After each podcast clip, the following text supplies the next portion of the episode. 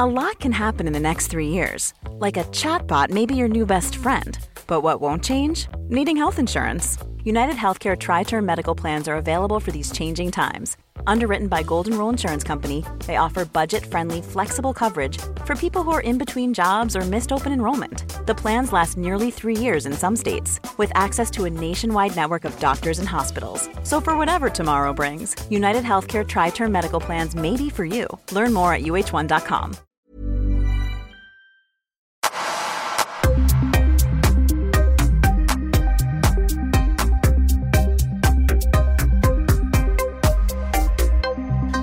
Viktor Fri, välkommen till Öppet sinne. Yes, tja. Äntligen. ja. Alltså, jag har ju snackat ganska mycket titt som tätt yoga i min podd. Jaha. Och eh, du är ju den som verkligen eh, introducerar mig till yoga på riktigt. Du är ju min, min yogaguru. Wow, vilken enkelt. ära. Ja, Tack. nej men verkligen. Skön titel. jag brukar skämta också när folk bara, är du yogalärare? Jag gillar inte riktigt den titeln. Du kan kalla mig för guru eller master. Liksom. det blir så roligt det här med titlar just det. Ja. Jag gillar att driva med saker och ting. Är det många som, som hakar på då och börjar kalla dig för master till slut eller? Nah, nej, det lägger sig. Det, det är någonting de känner i hjärtat mera, liksom, så Ja. de behöver inte uttrycka det. Nej, exakt. Nej men det har varit en grym resa, för jag, för jag minns ju verkligen första gången du och jag träffades. Ehm, det var ju, jag minns inte stället, jag minns inte vad det heter, men jag stod och delade ut kombucha. Jag vet exakt, Ja. jag minns. Det var på Urban Home, en yogastudio på Hötorget. Så var det. Mm. Så var det. Och jag hade barmaffiatröjan på mig och det var så vi började snacka. Och sen Ja. du bara, kom och yoga med mig, kom och yoga. Och jag bara, ja, ja, ja, jag hakar på direkt. Och sen efter det yogade jag med dig nog i nästan ett eller två år tror jag, Ja, som jag gick. På ett jävligt flummigt ställe alltså. Ja, uppe på vinden i Gamla stan. Med ett hus som lutade. Så här, Ja. så när folk skulle stretcha baksida lår i framåtfällning så brukade de vända sig om så de stretchade i nedförsbacke istället för uppförsbacke. Så de fick liksom tyngdkraft med sig liksom med framåtfällningen. Det var ett riktigt speciellt ställe där, men nu kör du ju, sen var den här um, typ lilla källaren, eller väldigt stor källare nästan, får jag säga, även det i Gamla stan. Ja, ett eh, medeltida valv. Just det. som var faktiskt, eh, om, jag, om jag förstått rätt, så var det där eh, som en stadsport ifrån eh, Skeppsbron upp till Gamla stan på medeltiden för att tulla handelsvaror när man kom in i stan och så vidare. Så det finns liksom gamla gångjärn kvar ifrån port som har varit liksom för handel och så vidare. Intressant plats. Tänk om de hade vetat då att i framtiden, då kommer det yogas här. Just. Och en detalj till om det huset. Ja. Därifrån leddes palmutredningen, eller han som ledde palmutredningen bodde i huset också under den tiden. Så. Ja, jävlar. Ja, och för att toppa det, nu är yogan inte långt härifrån i Allhelgonakyrkan, en gammal träkyrka. Ja, där har jag inte varit däremot, men hur länge har du kört där nu? Ehm, ett och ett halvt år, tror jag. Ja. Och eh, det var lite på grund av att jag har haft en fot lite inne i, i kyrkorna här på Södermalm. Det var ett tillfälle jag hade liksom en nyckel till Storkyrkan, Katarinakyrkan och Allhelgonakyrkan på min nyckelknippa. För att jag känner eh, han som var huvudprästen där i Katarina. Ja. Så han fick in mig och började hålla yoga i kyrkan. faktiskt. Men när du tar upp det där, är det inte ibland lite kontroversiellt för vissa religiösa människor? Nu, För jag tänker lite, det var några kristna i någon stad här i Sverige som var såhär, nej gud, våra elever ska inte göra yoga eller meditera, för då kommer de komma i kontakt med fel gudar och så vidare. Och då sattes det stopp i den skolan på grund av det. Just det. Precis, och det där var något annat. En kille som jag känner hade yoga i någon kyrka i någon Stockholmsförort. Och det blev jätte, jättepopulärt förra året faktiskt. Så det var typ så här 200 personer som kom och yogade. Mm. Och då kom det också några kristna där in i kyrkan med typ plakat och så här. Började försöka stoppa liksom fysiskt själva yogalektionen. Så. Eh, och skrek och härjade där. Så de fick avbryta faktiskt. Så Oj. det vart ingen mer yoga där. Jävlar. Och i den vevan då så var det någon eh, reporter som fick nys om det här, som hörde av sig till kyrkan där jag har yoga. Då. Och eh, det satte igång en diskussion också liksom om så här, men vad gör ni i kyrkrummet? Vad, vad är det, det här med yogan? Liksom så här? För vissa yogaformer är ju lite mera åt det religiösa hållet också, vad det gäller med mantran och, och så vidare. Men, ehm, så jag fick den frågan just, vad är det för typ av yoga som du undervisar? Då? Och eh, mitt svar var väl att jag väl alltid varit lagd lite åt det mera liksom, anatomiskt fysiska hållet. Mer, vad är det som är liksom, beprövat? Och, mm. Med min bakgrund som personlig tränare också, så är det en ganska fysisk yoga. behöver inte alltid vara jobbigt, men det behöver vara någonting som alla kan på något sätt relatera till också, även fast det man kanske kallar det för mindfulness, liksom, så är det ganska greppbart tycker jag, med medveten närvaro till exempel. Istället för att, då måste jag tillägga, jag gillar att sjunga mantran, men det är inte alltid det jag undervisar. Nej. Det är inte alla som kan relatera till det. Nej, för det är ändå den, de, när jag har gått hos dig så tycker jag det har varit, som du säger, väldigt fysiskt. Och det var väldigt tydligt, det var någon gång jag hade haft ett lite längre uppehåll.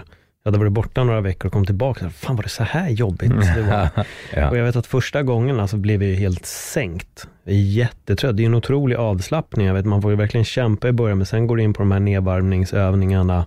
Och så ja. avslutar man då med savasana. Och, man är helt, jag var ju totalt färdig. Jag vet att jag ja. yogade hos dig en fredag till lunch. Jag orkade inte göra någonting efter det. Men det var mm. också precis i början. Just det. Så att det var helt ja, men slut. Men vad, vad är det egentligen, för du har ju, det är en struktur i hur det byggs upp. Vad, mm. Hur ser den strukturen ut egentligen? Ja, precis, det kan finnas uh, olika sätt att strukturera en klass utifrån vad man vill ha för önskvärt resultat. Liksom, om man vill att det ska vara någonting som verkligen är så nedvarvande för en person som kanske har gått och stressat under en lång period och är uppe i varv. Och då kanske för första gången på jättelänge så kanske man äntligen landar liksom och kommer till en plats där allting blir helt stilla och allting kan få på något sätt tillåtas att vara precis som det är, utan att man ens till och med i huvudet försöker strukturera upp sin vardag eller att man börjar fundera på vad man ska göra härnäst, utan bara för en gångs skull bara få bara chilla lite och mm. digga läget. Fan, det, på något sätt, det är här och nu jag lever. Det här, det här ögonblicket, det är liksom det enda jag har. Det finns inget annat. Framtiden, vem vet? Liksom, dåtiden, det är redan passerat. Det gäller ju att fånga det som är just nu, eller Och då, med hjälp av de här yogaövningarna, så kanske man kan komma till den, liksom, den platsen eller det tillståndet, där man bara låter allting få vara en stund. Och det är en himla befrielse. Mm. Ja.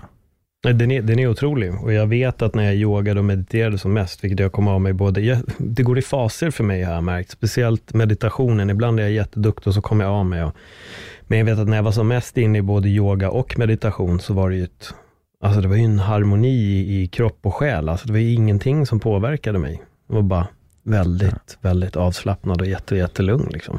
Mm. Um, så det är, det är speciellt. Det är väldigt speciellt. Hur var det du, hur, hur kom yogan in i ditt liv?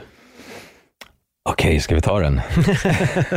det, ja, det är... Eh, måste jag bläddra tillbaka några kapitel i mitt ja. liv här alltså.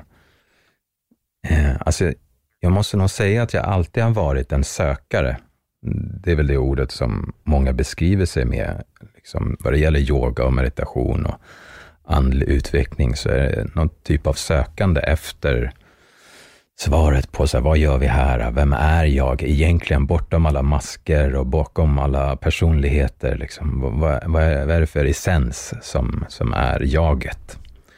Eh, så det har alltid funnits en sån frågeställning, även liksom, kanske till och med när jag var barn. Eh, men att det inte fanns så många vägar att välja på. Så eh, det kom en präst till skolan när jag gick i högstadiet, tror jag och började prata om Gud.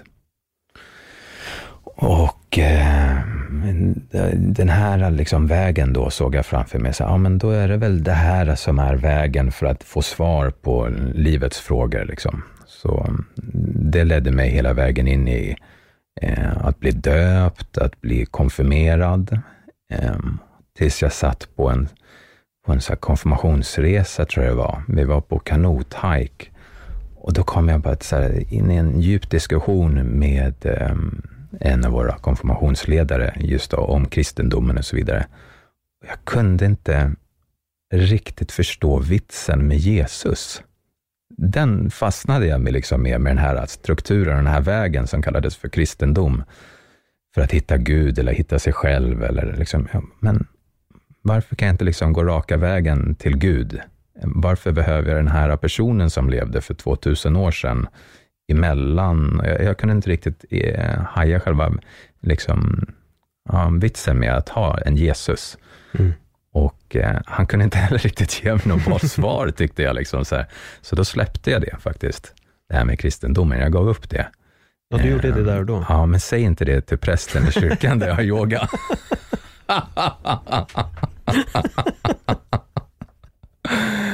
Eh, så efter det, min pappa är ju från Nordafrika, från Algeriet, och mamma är svensk. Så efter det så tänkte jag så här, okej, okay, men om jag inte behöver en Jesus, då måste det ju vara islam som är rätta vägen. Så då vet du, ehm, så eh, följde jag med en kille på gymmet där jag tränade, som också var från Algeriet. Då följde jag med honom till en moské vid Hötorget eh, och försökte med liksom förstås känna efter, så, men kan det här vara rätt väg då? Liksom, så här. Men eh, nej, det funkade inte heller riktigt.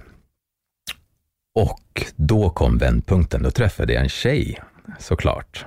Som många situationer som förändrar ens liv, så är det att man träffar en tjej. Då. Och den här tjejen var väldigt speciell, för hon hade varit eh, i Indien. Hon hade rest en massa i Indien och eh, eh liksom berättade att hon tillhörde en, en, en yogaskola, eller i Indien kallas det för ett ashram, Ehm, i södra Indien, typ fyra timmar från Bombay, i en stad som heter Puna. Så sa hon att hon följde en guru där som heter Osho. Eh, och det förändrade mitt liv. Då introducerade hon mig till, eh, på den tiden så var det kassettband, liksom, med inspelningar av Osho när han, när han pratade livsfilosofi och meditation och pratade också om olika religioner. Ehm, och eh, jag började lyssna på de här inspelningarna och kände för första gången att jag fick svar på livets stora frågor. Eh, och hon ehm, höll också meditationer eh, här i Stockholm, sådana Osho-meditationer som är, det, det är liksom en, en liten blandning av meditation men också som utlevelseterapi. Eh, så eh, hans filosofi var att vi västerlänningar eh, gick och, och höll mycket inom oss, att vi liksom förtrycker mycket av våra känslor. Och det är i vägen för att komma till den här platsen som jag pratade eller beskrev som att man får landa på något sätt i ett tillstånd där allting är okej. Okay. Att alla våra känslor som vi förtrycker är liksom som, som lite i vägen för det, så vi behöver liksom rensa gammalt bråte innan vi kan landa. Eh, så mycket skrika, gråta, terapier, liksom få ut sånt som man har förtryckt inombords, eh, för att sen landa och, och komma i stillhet i meditation. Eh, mycket av eh, meditationerna är uppbyggda på det sättet. Då. Så jag började göra de meditationerna och lyssna på Osho och eh, kände väl mer och mer att så här, Indien kallar. Det, det är där, där som på något sätt är eh, källan till all andlighet och där finns visdomens vagga. Eh, och eh, vi beslutade oss för att åka till Indien, hon och jag. Hon skulle visa mig Indien. Eh, så jag åkte till Indien när jag var 21, tror jag. Mm. 21, 22 i tidig ålder på ett sätt, tänker jag, som du ändå påbörjade den här resan. Vilket ja. vissa påbörjar den ju inte alls, men att du började söka väldigt, väldigt tidigt och ställa de här uh, frågorna. Mm. Innan vi hoppar in på Indien, är det här någonting som, liksom, som du har upptäckt att dina föräldrar har, eller är du unik i familjen i, i det här? Mm, jag är uppvuxen bara med mamma. Okej. Okay. Eh, och eh, nu är det länge sedan jag träffade min pappa. Jag träffade inte honom eh, sen jag var kanske 16. Mm. Och eh, pappa dog i december Aha, förra året. Jag beklagar. Så um, det var mm, mest eh, influenser från mammas sida ja. vad det gäller saker och ting i min uppväxt. Även fast jag och pappa hade kontakt, mycket mm. på telefon också, men han var inte lika närvarande som mamma. Mm. Eh, mamma har väl alltid varit så här konstnärssjäl och öppen liksom för det mesta, men inte mm, pushat på mig någon specifik filosofi eller så. Mm. Um, men alltid varit tillåtande. Vad jag än liksom har hittat på så har hon alltid varit så go for it. Liksom. Även att åka till Indien och mm. resa runt, flumma runt höll jag på att säga. um, så ja, um, okej. Okay Men Indien, Ja. Indien förändrade mitt liv. Verkligen stort. Jag fastnade som en loop eh, till att åka till Indien. Så jag reste till Indien varje vinter, typ i hela mitt vuxna liv faktiskt. Och eh, spenderade, i början i alla fall, så halvårsvis i Indien. Eh, för att eh, jag bara kände att jag var så trött också på Sverige. jag var så jävla trött på att allting var så präktigt och ordentligt. Och jag hade också alltid känt mig lite annorlunda med invandrarbakgrund, höll jag på att säga, men jag är inte invandrare, men att jag har mörkare hudfärg Mm. och eh, alltid känt mig annorlunda. Eh, och eh, det har varit okej. Jag har inte velat vara som alla andra heller. Liksom, så, så det var som att Indien var den plats som var så mest annorlunda mot Sverige som jag kunde föreställa mig. Att komma till Indien var som att komma till en annan planet. Det, det var så annorlunda så det gick liksom inte ens att föreställa sig att det hade funnits innan man åkte dit. Och eh, som många beskriver det så är det så antingen älskar man det eller så hatar man det. Man kan ju få panik också på att allting är bara skitigt och det, det är rörigt. Så, och det, fan, det kommer saker från alla håll och möjliga kanter. Helt plötsligt är det någon kossa som nafsar en i rumpan och försöker äta upp ens frukt som man håller i handen. Eller en apa som hoppar fram och snor en solbriller. Tiggare överallt och man måste liksom konfronteras med andra människor, vare sig man vill det eller inte. Ehm, Folk liksom försöker typ sätta sig i ens knä nästan för att de inte har någon sittplats på tåget. Så man bara, ursäkta, här sitter faktiskt jag. Och då, det är ibland då syns jag, fan vad svensk jag är. Eh, Ja, det påminner mig eh, en annan, eh, mamman till eh, mamman till min dotter. Vi skulle åka tåg från södra Indien till norra Indien. Hoppa på tåget och då var hon också så här, fan jag är så jävla trött på Indien. Nu är det en kvinna som sitter på min plats på tåget, sovtåg. Så här. Hon bråkar med henne en halvtimme. Du får faktiskt flytta dig, det här är min säng. Liksom, så här. Till slut kommer konduktören och så inser vi att vi har hoppat på fel tåg och på väg ner, söderut i Indien istället för norr. Och hon var så ledsen och hon började gråta och bad om ursäkt alla. Så Kulturkrock om inte annat. Ja, verkligen. verkligen. Här har vi ju distansen, här sitter sig aldrig folk bredvid varandra och, och gör någon det, då är det konstigt istället. Precis. Men i Indien är det väl hellre att man sätter sig direkt bredvid någon, är det inte? Det är vad jag har hört i alla fall, det kanske inte stämmer. Ja, det känns som det. Det känns som det. En annan sak som jag tycker är rolig just där med distansen i Indien. När killar liksom känner att så här, fan, det här är min, det här är min homie, liksom. den här killen, han backar upp i vårt och torrt. Då går de gärna och håller hand på stan. Och det är liksom inget mer än så att så här, den här snubben är så jävla cool. Alltså, han är så jävla nice och jag är så stolt över att han är min homie. Så, så vi går och håller hand. Det, det är standard. Det hade jag ingen aning om faktiskt. Ja, det är stört skönt. Ja. Ja, det är inget mer med det. Liksom. Är det många som går och håller din hand i Indien också? Det kan vara absolut, om någon skakar hand till exempel, lite mer formellt, att de håller kvar handen. Liksom, så här. Ja. Att sen, ja men nu står vi och pratar, då kan vi gärna stå och hålla hand samtidigt, då kan man bli lite obekväm. och Liksom. Ja, okej. Återigen, mycket kulturkrockar där. Ja, men härliga sådana. Det är kul Ja, att verkligen. någonting är liksom så här, något, något är annorlunda än Sverige Ja. också. Liksom så här.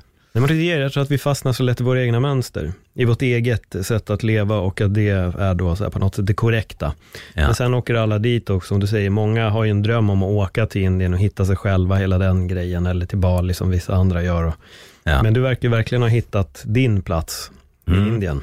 ja, men precis. Nu har jag inte varit där så mycket sedan jag blev förälder faktiskt. Eh, nu har jag en dotter på sju och eh, hon har börjat skolan. Mm. Så nu måste jag vara hemma faktiskt. Ja, det är svårare att åka varje vinter då nu. Ja, verkligen, med skolplikt och så vidare. Men, eh, men det, var, det var en speciell tid, de här 15 åren eller så, som jag liksom spenderade där. Eh, och specifikt just det här ashram-upplevelsen. Mm. Att få komma till en plats där eh, djupdykning i det meditativa, i det andliga, det är liksom det som är eh, huvudanledningen till varför folk är där. Mm. Och det kan vara liksom byar eller liksom mindre städer som är dedikerade just som en pilgrimsort eh, ort till exempel. Lite som yogans motsvarighet till Mecka i norra Indien, precis i början av Himalaya, eh, Rishikesh. dit Beatles åkte på 60-70-talet. Eh, det, det, är verkligen en sån plats som folk åker liksom för att djupdyka i sig själva. Mm. Eh, och det, det skapar som, men, det låter nästan flummigt, men som någon speciell aura eller bubbla runt hela stället när folk åker dit bara för att eh, gå djupt. Liksom. Eh, ja. Hur skulle du säga gå djupt är? För jag tänker lite folk som, alltså ibland när jag pratar med folk som håller på med sin inre resa, eller vad man nu ska kalla det då, vet exakt vad det handlar om, man vet vad det är, man vet vad gå djupt innebär. Mm. Men sen finns det de som inte gör det alls. Just det. Och de är bara så här, vad är den inre resan? Vad är att gå djupt? Vad, ja. liksom, vad, vad, är din tolkning av att gå djupt? Hur, hur, skulle du eh, lägga ord på det från din egen upplevelse om man säger så? En, en av resorna jag gjorde, då var det eh, att jag, jag bodde och jobbade i eh, Osho ashramet i Pune i södra Indien i fyra månader. Och varje dag så var det ett, ett ett, ja, men ett strukturerat schema med meditationer hela dagen eh, och så, så arbetade vi för, för ashramet och så vidare. Ehm, och eh, kulmineringen av det var att jag kände att jag var redo att gå ännu djupare in i meditation. Så då tog jag tåget ifrån södra Indien upp till norra, till den plats där Dalai Lama eh, lever med de tibetanska flyktingarna. Så det är väl som en, en tillflyktsort som eh, Indien har gett till Tibets folk för att undfly Kina. Eh, och där, eh, där gjorde jag vad som kallas för eh, ett Vipassana-retreat. Och strukturen på de retreatsen, eh, i alla fall inledelsevis, är att, att man eh, spenderar tio dagar i centret. Eh, en ganska liten plats, så mm, låt oss säga att det är eh, några hundra kvadrat, eh, hela området. Och, eh, och strukturen på schemat är att man vaknar, jag tror att vi vaknar vid fem på morgonen och sitter i eh, sittande meditation med slutna ögon i princip fram till nio på kvällen i tio dagar utan att titta på någon annan, utan att prata med någon annan. Eh, med rast, eh, en timmes rast, en halvtimmes rast på ett par, par tillfällen per dag. Liksom, så eh, och eh, då gick jag djupt, tyckte mm. jag. Det gick väldigt djupt för mig. Och det, mm, där på något sätt kom jag i kontakt med vad är det verkliga jaget? Inte bara jaget som att, hej, jag heter Viktor Fri, utan bort bortom det, det som tänker, bortom alla idéer och liksom samhällets påklistrade liksom tankar om vem jag borde vara, så finns det inombords en plats där jag upplever mig själv som ett stilla vittne, som den som iakttar. Inte den som funderar eller tänker eller ens kontemplerar någonting, utan den som bara betraktar, den som är medveten. Och eh, det är den eh, upptäckten som jag fick där om vad jaget är. Mm. Ja. Ja, det, det jag tror, jag, jag kommer hoppa här lite till min egen podd här. Ja. Du är i min egen podd, absolut. Jag syftar på ett avsnitt där jag satt och pratade själv. Eh, jag har delat med mig av min historia om när min lillebrorsa dog. Jag, berättade, jag har ju berättat för dig förut, hoppas jag att jag har gjort va? Jag tror det. Min lillebrorsa blev ihjälskjuten 2016. Eh, och jag delar med mig av den här historien här ganska nyligen då, i min podd, där jag berättar om, om den upplevelsen. Eh, men jag vet att under den perioden som det här hände, så var just också när jag yogade väldigt mycket med dig. Jag var som mest inne i min meditation. Jag mediterade ungefär en timme om dagen. Jag yogade med dig i alla fall en gång i veckan och sen yogade jag själv jättemycket. Och jag är helt övertygad om att hade inte jag varit i så mycket meditation och yoga som jag var, så hade det här krossat mig ännu mer än vad det gjorde. Mm. Men att i all den här stillheten och allting som jag hade, så vet jag att ibland när jag satte mig och mediterade, så kunde jag känna ett lugn som föll över mig på ett sätt. För i all den här stressen, så vet jag att varje gång jag satt och mediterade, så efter 20 minuter så kunde jag ändå känna en dämpning. Och att jag såg hela tiden, allting som hade hänt kunde jag se det ur ett väldigt rationellt perspektiv. Mm. Och jag, jag har tänkt på det så många gånger, att jag hade aldrig kunnat göra det om det inte vore för att jag var så djupt i min meditation och djupt inne i, min, i mitt yogande. Mm. Och när du berättar den här historien så kan jag verkligen känna det där med att bara finna sig själv där inne, vad som händer här och nu, vad är egentligen viktigt, vad ska man bli arg på och inte arg på. Ja. Och det är en, alltså det är speciellt. Det är väldigt speciellt att kunna gå, gå så djupt och verkligen finna det där otroliga lugnet och den där harmonin. Ja, som man gör. Jag, jag, ähm, ett problem mm. som vi människor gör, eh, det är att vi identifierar oss med att vara något annat än mm. den som betraktar. Vi identifierar oss med till exempel våra tankar. Vi identifierar som att vi skulle vara våra tankar, eller vi identifierar oss, det kanske är nästan svårt att greppa, men att vi skulle vara den fysiska kroppen. Eh, och det är nog det, det som är svårast också, att på något sätt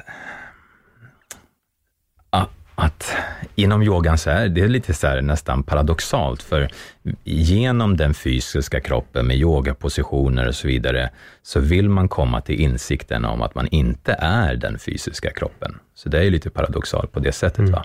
Men att, att vi är någonting större, eh, någonting eh, djupare.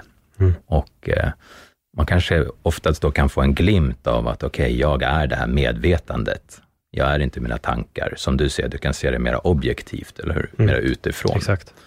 Eh, och då kanske en vacker dag så kanske man också kommer till den platsen där man inser att man bara inte är det individuella medvetandet, utan att vi alla tillsammans är ett universellt medvetande. Eh, dit, det är också lite paradoxalt. dit är vi på väg, höll jag på att säga, men enligt yogan i alla fall då, så, så är vi redan det. Mm. Det är någonting vi redan är, så det handlar om ett självförverkligande eller en insikt.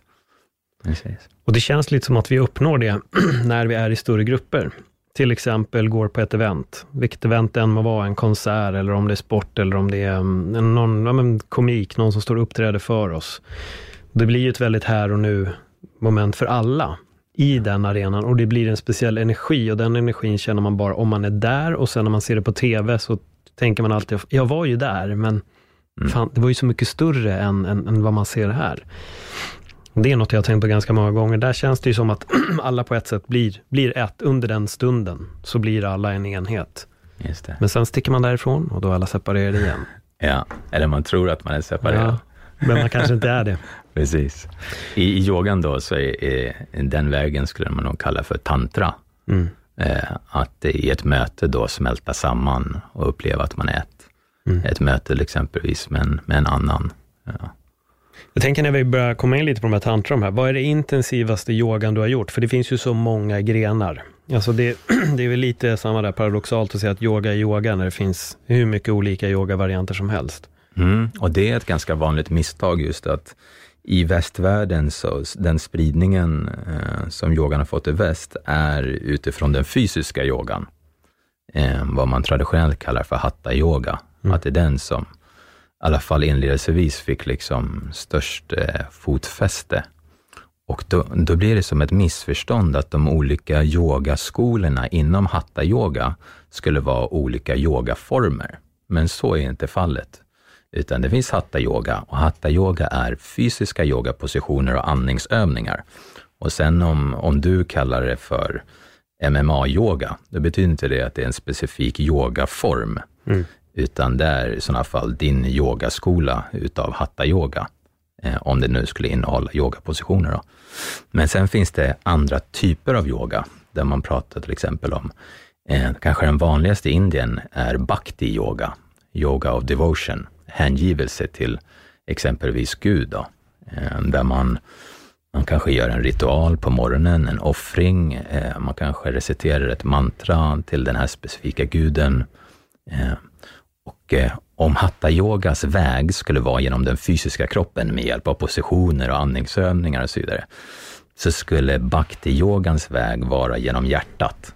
Att liksom på något sätt få öppna sitt hjärtcenter till det gudomliga och på så sätt kunna nå samma mål som man vill göra genom hatta-yogan och, och nå det här tillståndet av att känna att man blir ett med allt, att man på något sätt upplöser det individuella medvetandet med det universella. Um, så, så det är bhakti-yoga, yoga genom hjärtat. Mm. Eh, finns också Raja Yoga, som, som namnet lite pekar på, Raja som Maharajan. Eh, så är det den, den kungliga vägen av meditation. Så den här vipassana meditationen eh, som jag gjorde där uppe i Dharamsala, det skulle man nog kunna lägga då i det, det facket lite mera, Raja Yoga. Och det är nog det mest utmanande jag gjort. På, på grund av? Alltså, det här var innan jag började med hatta yoga, så innan yogapositionerna så var jag sjukt stel. Alltså, jag tror jag var stelare än dig Paul. Eh, nu säger jag inte att du var superstel, men jag var sjukt stel i alla fall när jag började med yoga, för att jag hållit på så jävla mycket med styrketräning. Mm. Så jag satt där i tio dagar och pinades rent fysiskt. Det gav mig otroligt mycket rent mentalt och spirituellt. Men det var ju otroligt jobbigt att sitta med korslagda ben i tio timmar om mm. dagen utan att få röra på sig. Så det känns som att man blödde om knäna och liksom, det gjorde så sjukt ont. Jag var något tillfälle jag bara, jag bara vägrar sitta på golvet medan jag satte mig på en stol där någon dag, så är det så jävla ont. Eh, men efteråt så eh, kände jag hur mycket det gett mig liksom efteråt. Jag kommer ihåg i den här bergsbyn då som jag bodde i, så hade jag lärt känna lite folk och eh, efter retreatet så var det några som frågade mig, så här, men Viktor, ska jag hänga med och käka ikväll? Liksom, så här. Alltså, jag tror jag ska sitta på mitt rum faktiskt. Alltså, inte att inte ni är sköna att hänga med, men jag är så jävla nice att hänga med just nu. Så jag vill bara vara själv. Det var liksom första gången i livet jag var så nöjd med att bara vara själv. Liksom. Att bara vara i min egen närvaro. Mm. Bara att få bara känna på den närvaron och bara vara medvetande om mitt egna medvetande. Det var så mäktigt. Så jag var så tillfreds efteråt. Kommer också, när jag gick ut ifrån centret, jag sjöng för mig själv på den här stigen och så typ dansade. Jag var så glad, så här. gick och fnissade för mig själv. Liksom. Ja, ingen anledning än att jag bara hade liksom kommit hem, hem till min sanna natur, vem jag verkligen var. Hur var det att komma hem sen till Sverige? Fruktansvärt, ja. alltid. Mm. Skitjobbigt. Alltså det är så sjukt jobbigt att komma hem när man varit borta så länge. Ehm, och på den tiden också, då jobbade jag inte som yogalärare, så jag tog alltid så här ströjobb för att spara pengar för att kunna dra iväg till Indien. Så jag kom alltid hem med någon typ oro över att jag behövde ta något ännu sämre jobb än vad jag tog förra året. Mm. Liksom, så här så jobbiga saker, så jobba som stensättare i Göteborg i ett så nollgradigt spöregn när man började jobbet sex på morgonen. Och vad fuck, okej, okay, men nu är det bara typ två månader kvar, sen drar jag till Indien. Så här, då, då skiter jag i det här. Liksom, så, här. så man räknade dagarna. Liksom. Mm. Um, men uh, att komma hem tomhänt var alltid jobbigt också och inte vara ovis om framtiden. Så det var skönt sen när jag började jobba som yogalärare, Eh, att det kändes som en trygghet att jag kunde få göra det jag var ämnad att göra, även i Sverige och på något sätt sprida det som eh, jag hade hittat liksom, mm. i, i, Indien, att få ta med det hem och folk uppskattade det. Så jag hittade min plats även här i Sverige då. När du har eh, hållit yogaklasser, är det fler som sen har fördjupat sig och velat gå din, din väg, om man säger så, åka dit och blivit inspirerad av det du har gjort? Ja, ja men det har hänt, absolut. Mm. Um, många som har frågat om Indien-tips, liksom, restips och vart de ska åka, eller folk som kanske vill utbilda sig till yogalärare och så vidare. Konstigaste upplevelsen i Indien, vad har det varit? Uh, det var en rolig upplevelse i alla fall, kan jag säga, som bara så första grejen som kom till min, min åtanke.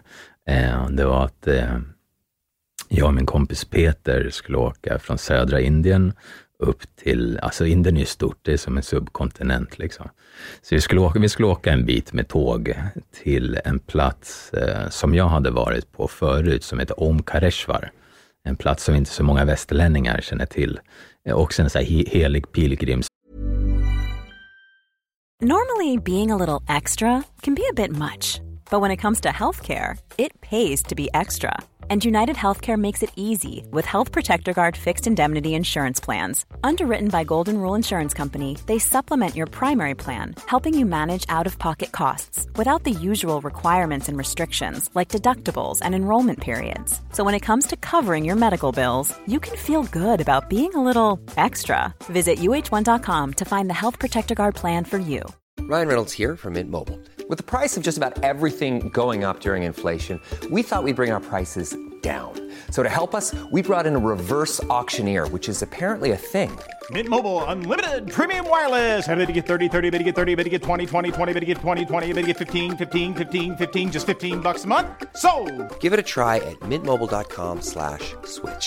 $45 upfront for three months plus taxes and fees. Promo rate for new customers for limited time. Unlimited more than 40 gigabytes per month. Slows. Full terms at mintmobile.com. plats. En liten, en liten ö mellan två heliga floder.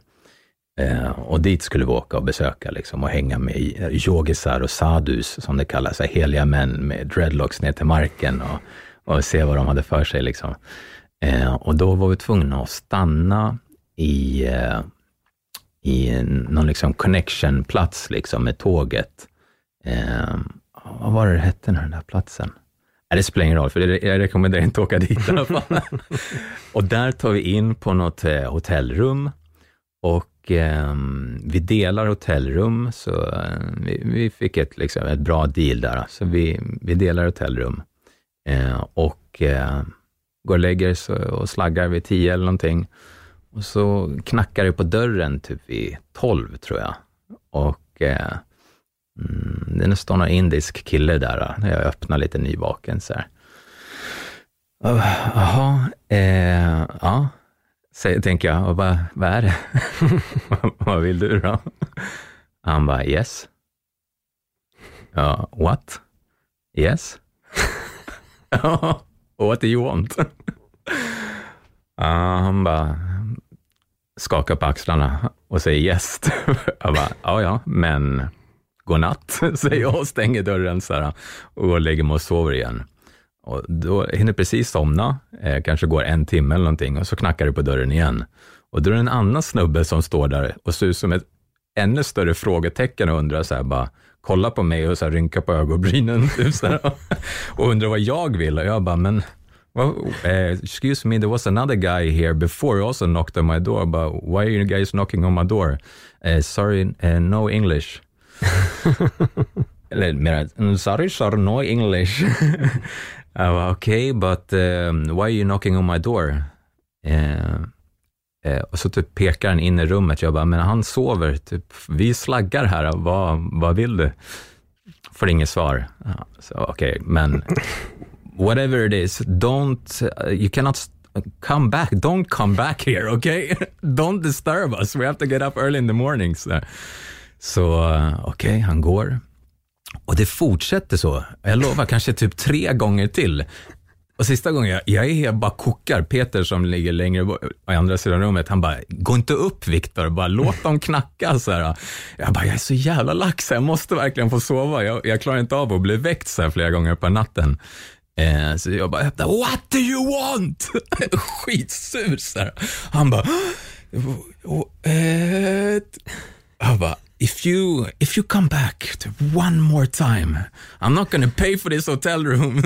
I'm so fucking angry right now. Ja, Uh, uh, till slut då på morgonen, vi kommer ner i receptionen, så står managern där och han bara, eh, jag bara, what's going on with this knocking all night? We haven't slept anything.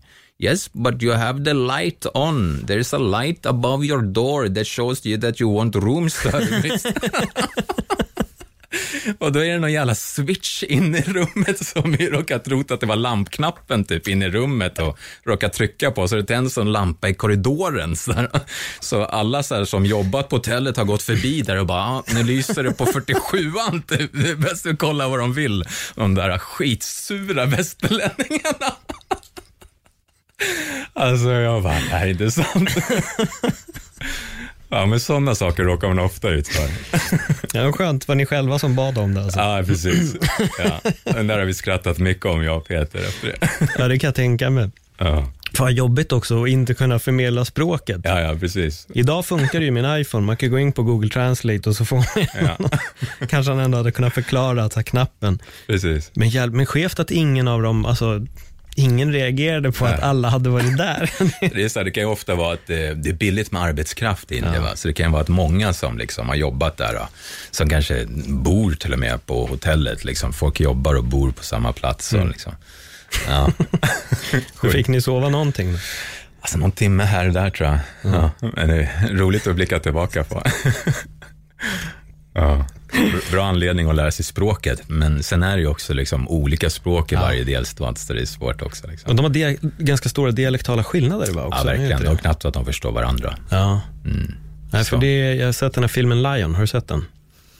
Lion. Den här, de är två bröder som sticker ut mitt på natten och den lilla somnar på ett tåg som bara åker jättelångt och den här pojken blir adopterad till en familj i Australien. Det är baserat på en riktig historia. Okej, shit. Väldigt bra. Eh, Wow. otroligt bra film. Eh, gripande som fan. Eh, men där är det lite det att man märker att han får problem för att han, dels är han ett litet barn, men det är dialektala diffar och, och språken och så vidare, så de har svårt att förstå honom. Just det. Så det är där. Mm. Men eh, jag tänker lite på kundalini-yoga, Mm. för det är mycket andning i det. Just det. Just andningsövningar. Och där har jag hört att det, folk ibland blir lite halvvarnade för kundalini-yoga, ifall man är för ny i yogan och andningsövningar. Ja. Vad, vad beror det på? Enligt dem själva så, alltså jag, jag eh, har varit inne lite i den svängen också med kundalini-yoga. Och det där, just nu så är hela den där världen lite i, eh, vad säger man, i kölvattnet, kan man, säger man så? Det svajar lite i organisationen. Det har kommit ut där att eh, han som har grundat det, Yogi Bhajan, eh, det har kommit ut eh, anklagelser mot honom. Eh, nu lever inte han längre, men eh, att han ska ha gjort sexuella övergrepp och eh, maktmissbruk och varit en riktig douchebag. Liksom. Eh, så det är många som har lämnat organisationen och eh, det ifrågasätts om, om det ens stämmer att det här är någon gammal lineage som han har fört vidare, eller om det är så att han bara plockat allting från tomma intet liksom, och bara hittat på hela s- historien själv. Så det, det är många frågetecken runt den eh, organisationen just nu med kundalini-yoga. Eh, där, eh, ja, jag tar inte ställning till någonting själv, men jag vill bara ha det sagt. Eh, och ehm, de själva säger väl lite att namnet är lite felvisande, att, att kundalini, eh, eh, många pratar ju om att kundalini är en vilande energi längst ner i bäckenet. Eh, en kraft som kan väckas med hjälp av eh, andningsövningar och, och mantran och så vidare. Eh, och det här då ska stegra upp igenom ryggraden och, och, och väcka hela chakrasystemet och komma upp till toppen av huvudet, till kronchakrat som symboliseras av en tusenbladig lotusblomma som är sluten. När, när den här kundalinikraften når upp då till det här chakrat så öppnas det. Så det blir liksom en, en upplysning, att det blommar ut och att då det, mötet mellan man pratar om, om, om kundalini, shakti, den här kraften och det universella medvetandet Shiva, att de möts. Inom eh, hinduisk mytologi så är Shiva och Shakti det är två gudar. Shiva är den maskulina och Shakti är den feminina kraften. Då. Så att de här två älskarna får varandra till slut i mötet mellan Shiva och Shakti och medvetandet och kraften. Eh, och det här då skulle kunna få en yoga eller yogini att bli tokig. att den här kundalinikraften liksom stegrar för snabbt i kroppen. Att det skulle vara farligt då helt enkelt. Eh, men eh, just inom kundalini-yogan, i, i den specifika traditionen då, som vi kallar det vanligaste fallet kundalini-yoga, så brukar inte det hända. Nej. Även fast jag måste tillägga att det har hänt mig. Ja, det är så. Ja, Hur var det? det var skithäftigt. det var jävligt maxat. Vad hände? Jag var på ett eh, raw food retreat i Värmland faktiskt, eh, med en amerikansk lärare eh, från New Mexico. Han såg ut, alltså han såg ut att vara kanske 50, men han var typ 75 tydligen. Alltså han hade ätit raw food hela livet och var yogi liksom. Och han gav oss ett mantra som vi skulle jobba med. Eh, ett mantra som var hebreiskt, tror jag. Jag har fortfarande kvar den här lilla lappen han gav mig med, med någon eh, liksom, hebreisk text. Så här. Och det här skulle vi recitera och eh, göra samtidigt någon, som någon andningsövning. Eh, nu är det några år sedan, så jag kan säga eh, ordningen fel, men vi skulle sätta, sätta oss ner och, och recitera mantrat. Och då vid ett tillfälle så glider han upp bakom mig. Han smyger upp och så börjar han så trycka på olika punkter på min ryggrad. Och det där kickade igång en energi som jag aldrig varit med om tidigare. Som började just nere i bäckenet och kändes som eh, en kraftfull elektrisk fontän som bara sprutade upp energi längs ryggraden. Och det var verkligen en sån så aha-upplevelse som bara, ah, det är det här jag har läst om. Mm. Eh, och, och fortsatte upp, men det kändes som att den den kom upp liksom lite upp mot nacken, men inte hela vägen upp i huvudet. Så jag vet inte om det betyder att jag har någon typ blockering i mitt halschakra eller någonting sånt. Men eh, det kändes inte hela vägen upp till toppen av huvudet om jag minns rätt.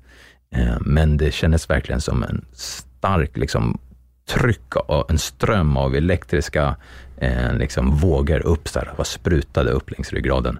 Och det där var jag med om då två gånger på det retreatet. Mm. Eh, och det var maxat, det var häftigt. Hur kändes det sen? Eh, ja, men så lugnt och meditativt och fridfullt, för det la sig sen kanske efter 45 minuter eller någonting, den här fysiska sensationen. Mm. Ja, men det var häftigt. Ja, men det kan jag tänka. Jobbar ni mycket, för det är väl mycket andning också i kundalini, va? Eller? Men just kundalini, han var inte någon kundalini-yogalärare, okay, måste okay. tillägga. Yes. Precis. Eh, men i kundalini-yogan eh, så är det mycket med eh, andning. Jag är också utbildad kundalini-yogalärare. Jag mm. undervisar inte så mycket, men det är mycket olika andningsövningar. De kallar det för krias. Eh, det är ett sätt med övningar. Det kan vara fysiska övningar, kan vara mantran, kan vara andningsövningar eh, som deras yogapass är byggda på. Mm. Sen kan det också finnas längre eh, meditationer om man ska sitta och recitera ett mantra. Eh, just den formen av kundalini-yoga, nu har ju inte de patent på kundalini-yoga, men det finns något som, som kallas för kundalini-yoga, som är just ifrån den här läraren Yogi Bhajan, som är ganska stort i Sverige faktiskt. Ehm, och ehm, den härstammar inom sikhismen.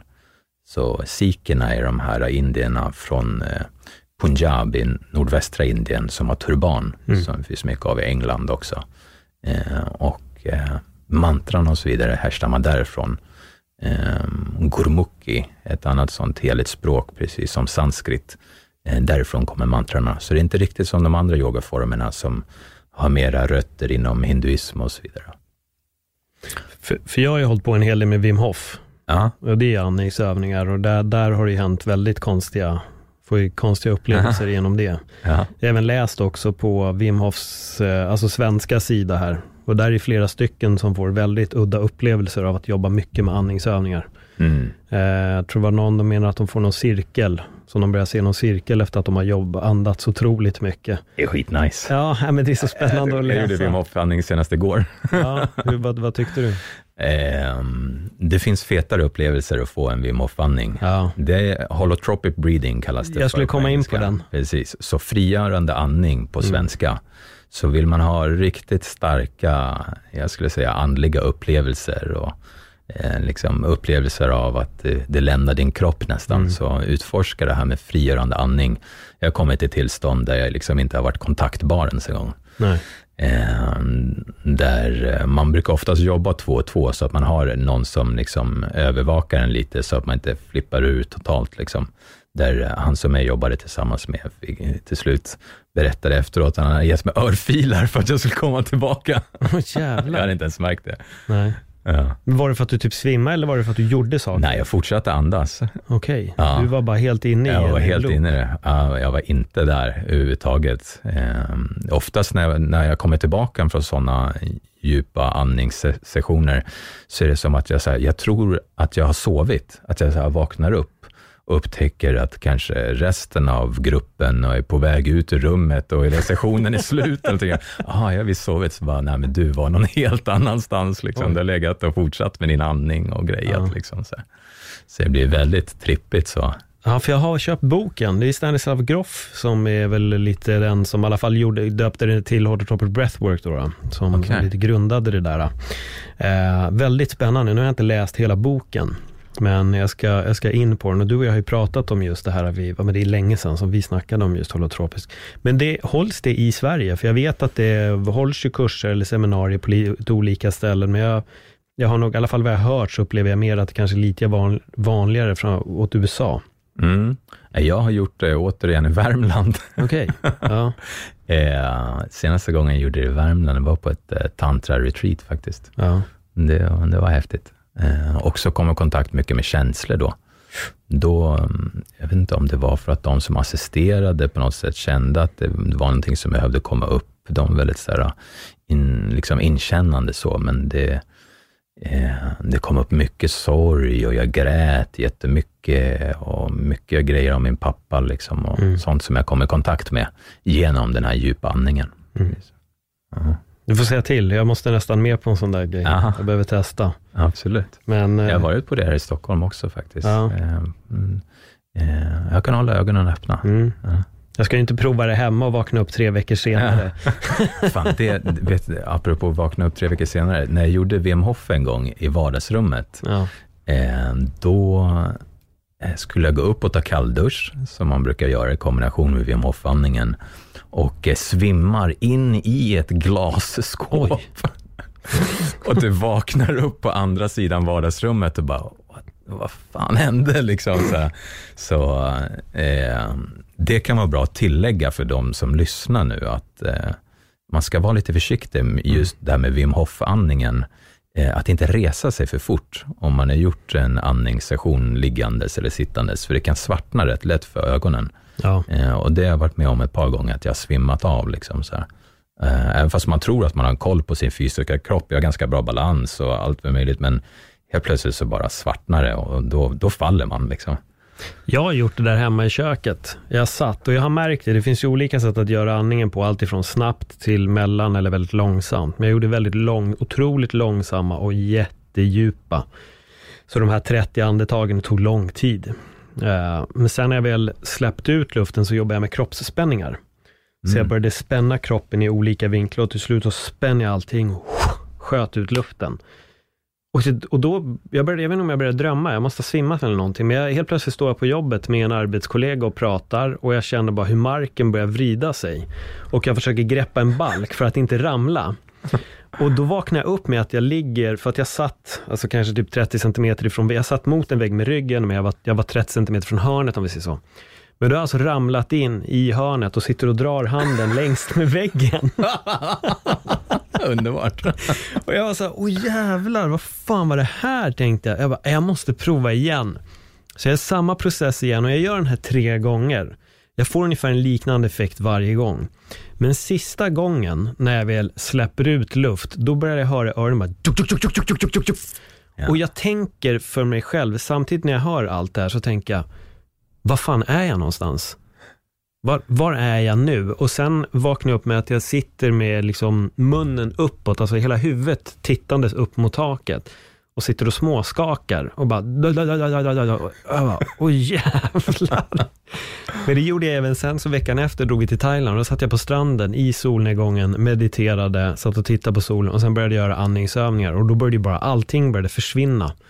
Men där märker jag också att om jag inte underhåller det här, då når jag inte det stadiet. Så det går inte bara att här, sätta mig idag och göra det och tro att jag ska komma dit, utan jag måste jobba alltså hela tiden jobba med övningar, andningsövningar, jobba med meditation och då kan jag komma jättedjupt på att göra det. Men det funkar inte om man hyperventilerar snabbt, men däremot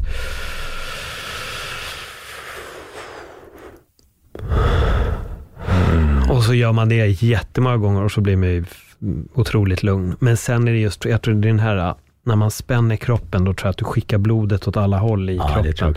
Och luften ut och då bara Ja. Bam. Nej, det är, jag är jättefascinerad över vad man kan göra med sin egen med syre bara. Men det är det Wim Hof säger också, get high on your own supply. Jag tycker det är så jävla roligt ja. uttryck. Men då har jag en, en meditation till dig som du måste testa. Ja. Eh, återigen från den här uh, mystikern eh, yogin Osho, precis. Han har en meditation som han skapade som heter Osho Chakra Breathing, mm.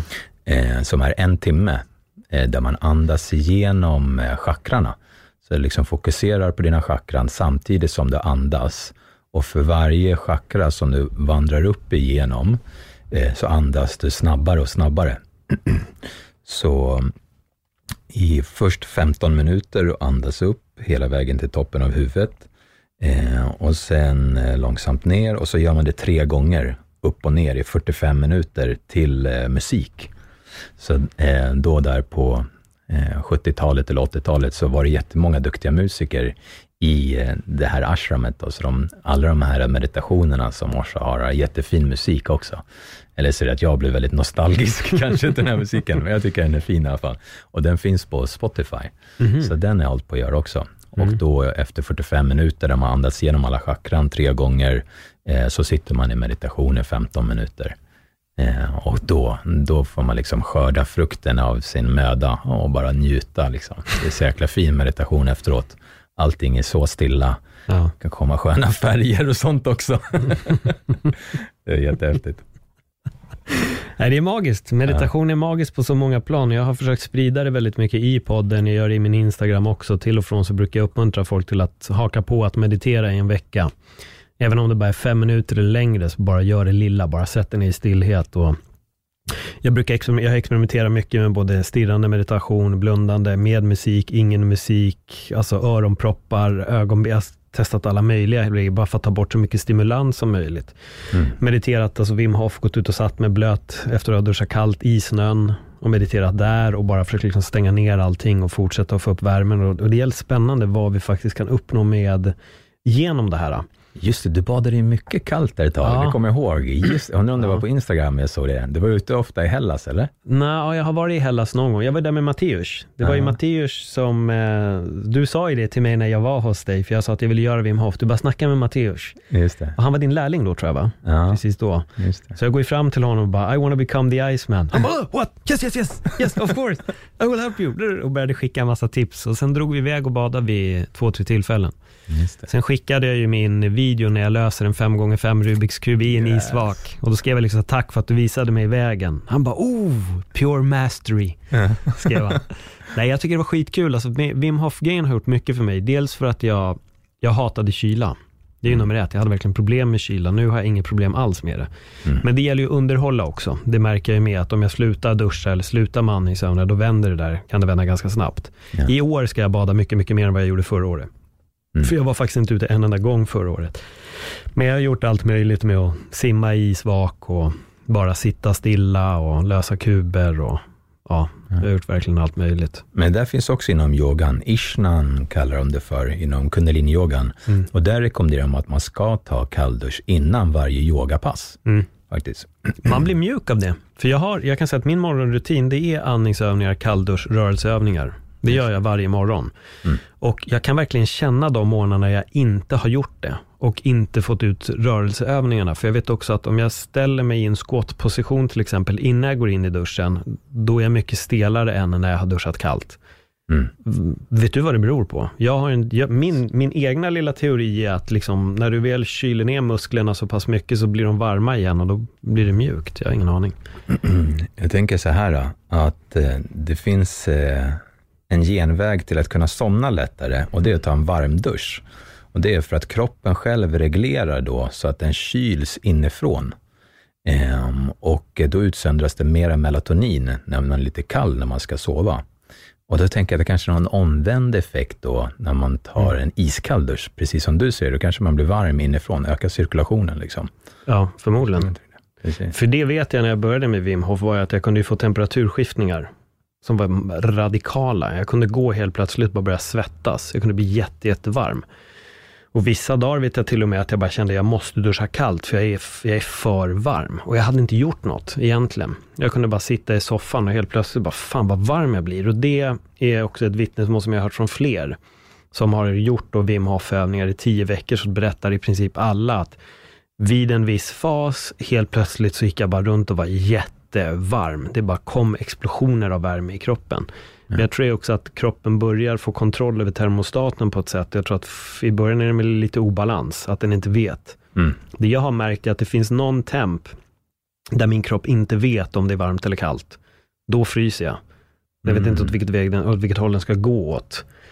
Så det är nästan bättre med för kallt än bara någon sån här ljummen mittpunkt. Så jag kan nästan tycka att det är värre att bada innan det har blivit varmt på sommaren, än att bada när det är väldigt kallt. För min kropp vet exakt vad den ska göra när det är nollgradigt. Ja. Då måste den bara bränna på liksom.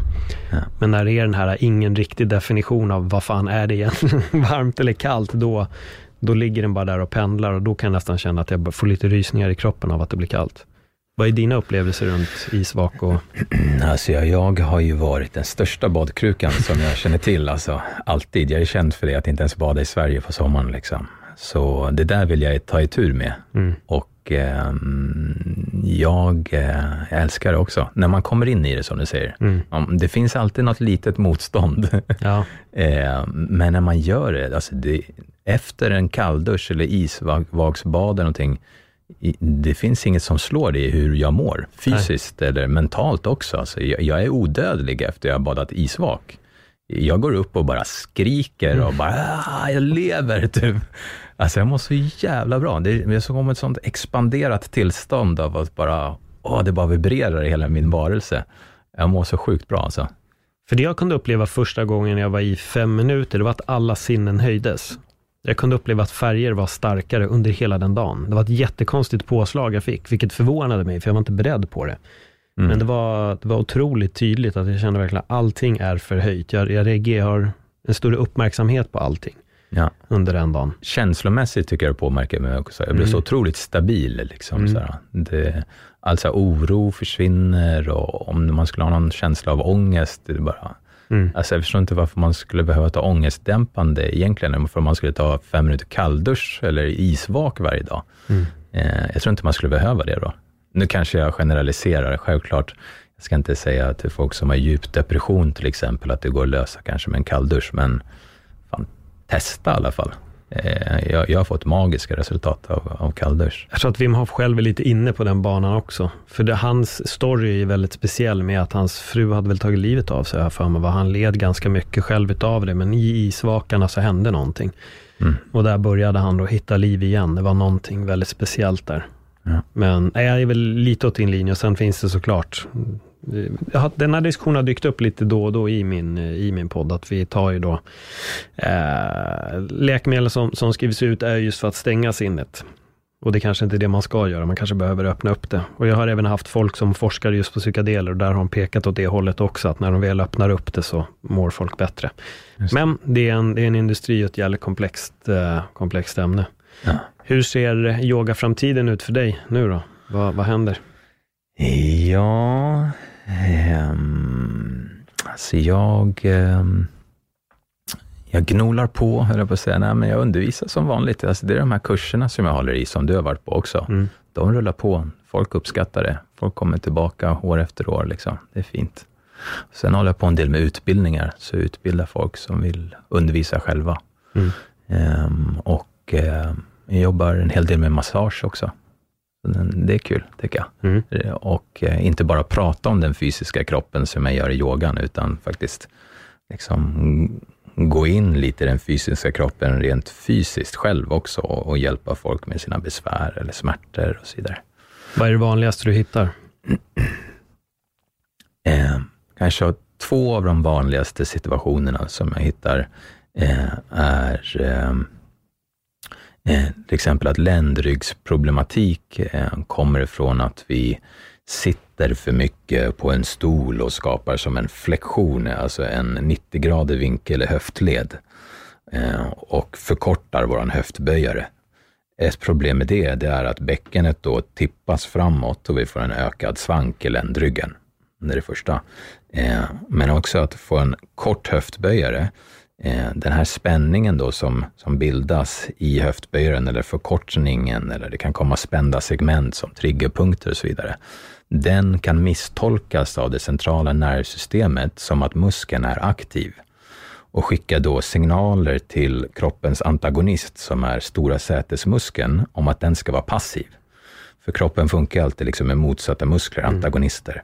Eh, så då skickar den en signal om att sätesmuskulaturen inte ska vara aktiv. Och då till exempel när vi är ute och tränar eller om vi springer eller gör någon fysisk aktivitet som i vanliga fall kräver en aktivering av vårt stora säte, eh, då måste andra muskler gå in och kompensera det. Då kan den lilla sätesmuskulaturen, eller gluteus medius, på sidan av höften vara tvungen att jobba mycket hårdare.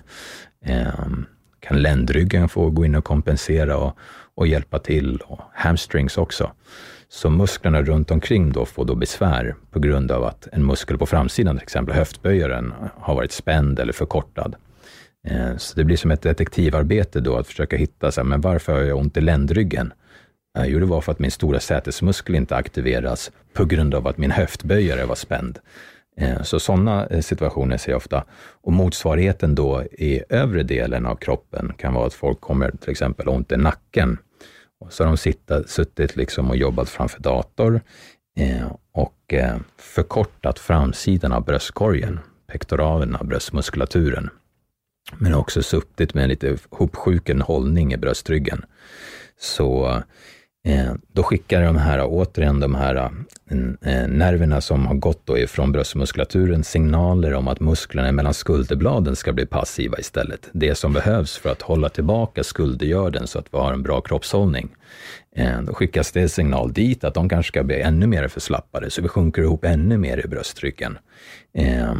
Och den här hopsjunkna bröstryggen gör då att huvudet inte längre kan balanseras ovanpå kotpelaren, utan är liksom framför kotpelaren. Och då måste nackmusklerna gå in och göra ett jobb att försöka stabilisera och hålla uppe huvudet, för att inte längre balanseras på kotpelaren.